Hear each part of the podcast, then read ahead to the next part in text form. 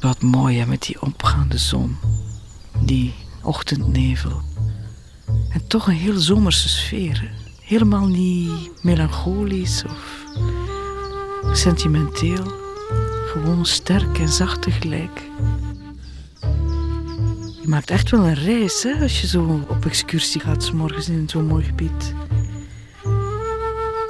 Dus ik weet niet, maar voor mij er komen ook allerlei herinneringen los aan, aan vormen en aan, situaties. Maar je ziet wel hoe indringend het eigenlijk is. Hè? En hoe, dat echt doorwerkt op je, op je gemoed en op je humeur. En hoe dat van je op een of andere manier een, ik geloof dat toch een, een mooier of een beter mens maakt.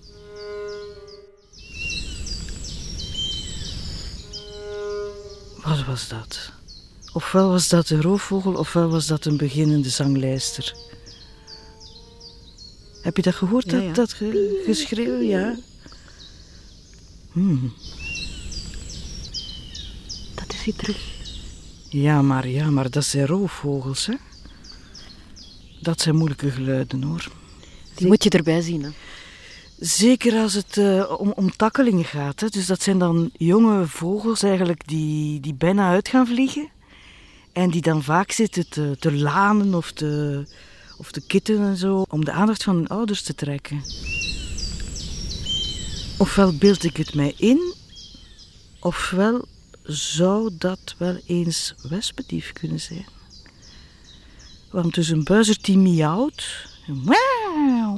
En eigenlijk in het gefluit van een wespendief, dus de zomerbuizerd, heb je meer een kliauw-achtig geluid. Dus ik weet niet of je het gehoord hebt, maar dus dat was geen puur gemiauw.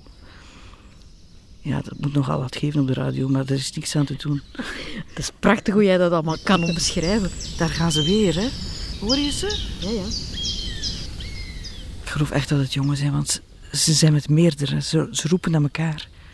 Dus het zijn waarschijnlijk jongen die het nest al verlaten hebben. Het geluid verplaatst zich ook. Hè. Ja, ja, absoluut. Wie weet zien we er nog één. Dan ben ik op mijn gemak.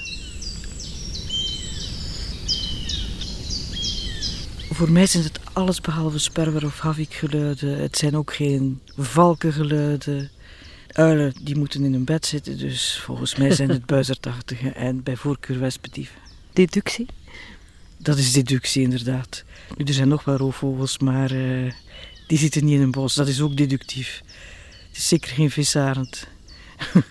en geen bruin kiekendief, want die zit in het veld. Want wat is dit hier? Eik, hè? Eikenbos met varen. Jongen, jongen, jongen. Nu, ik zou hier ook wel een nest willen maken, eerlijk gezegd. Ja, ik zou misschien toch eens even teruglopen naar het open stuk. Hier, dat is echt een, ideaal aanvliegbos voor eh, roofvogels.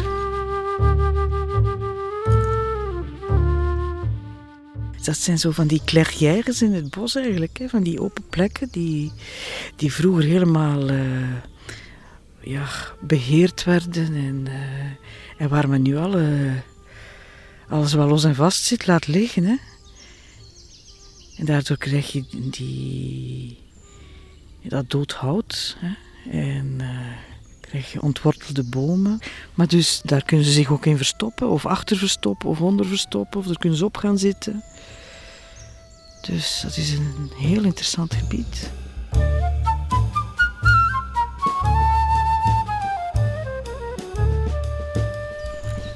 Wie weet vliegen ze al, hè? Ja.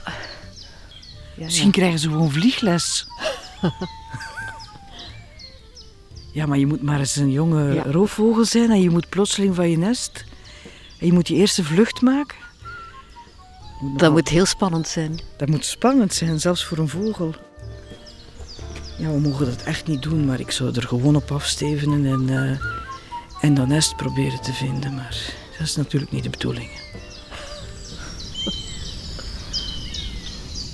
Op de duur is het wel een marteling om ze niet te zien, natuurlijk. Het is een prachtig roofvogel, een wespentief. Hè? Mhm. heeft een koekoekskop. Een gele oog. Ranker dan de buizerd. Ja, ja, veel, eh, veel verfijner. Het is ook echt een vogel die in Afrika, in Midden-Afrika, overwintert. Dus bij ons is het echt een, zo ja. een zomervogel. Hij komt er pas door laat in april, begin mei.